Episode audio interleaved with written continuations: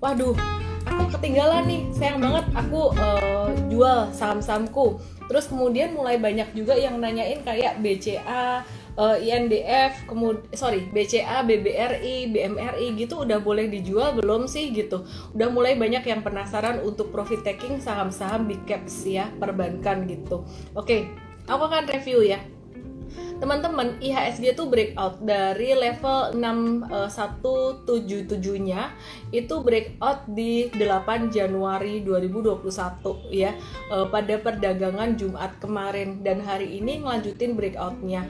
Dan kalau dilihat secara formasi candle itu ada candle three white soldiers ya three white soldiers. Itu artinya apa? Tiga candle putih atau candle hijau yang uh, berturut-turut. Tiga candle itu naik berturut-turut dan juga hampir nggak ada ekornya gitu. Kalau hari Jumat kemarin masih ada tail dikit di atas.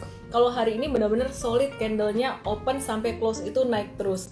Nah artinya apa sih uh, formasi three white soldiers ini?